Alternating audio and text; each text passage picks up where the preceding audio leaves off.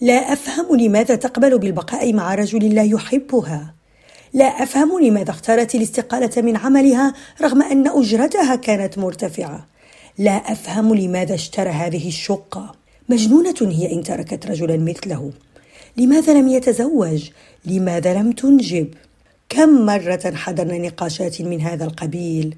كم مرة كنا بدورنا طرفا فيها بتعليقاتنا وملاحظاتنا حول اختيارات وحياة الآخرين.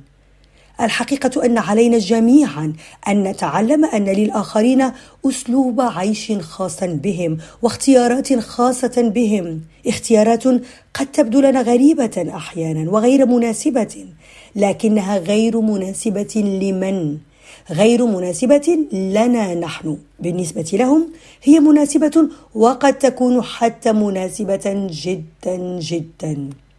وحتى إن حدث وغيروا رأيهم أو اكتشفوا أنهم كانوا مخطئين في قرارات معينة فتلك مسؤوليتهم. ليس لنا أن نقرر أين يستحسن أن تسكن فلانة وما هو التخصص الأنسب لها ومتى على علان أن ينجب وهل من المفيد له أن يسافر أو أن يدخر.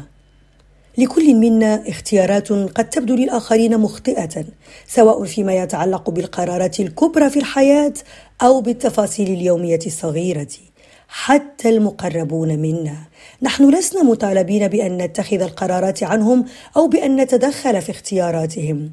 ليس علينا حتى أن نعتبر أن من حقنا أن نقيم تلك الاختيارات وأن نقرر إن كانت مناسبة أم لا.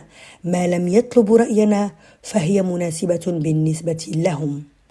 نحتاج جميعنا لأن نتعلم بأن الآخر قد يكون مختلفا أن وجهة نظره واحيانا حتى ظروفه وإكراهاته تجعله يتوجه نحو اختيارات ليست بالضرورة مشابهة لما كانت قد تكون اختياراتنا.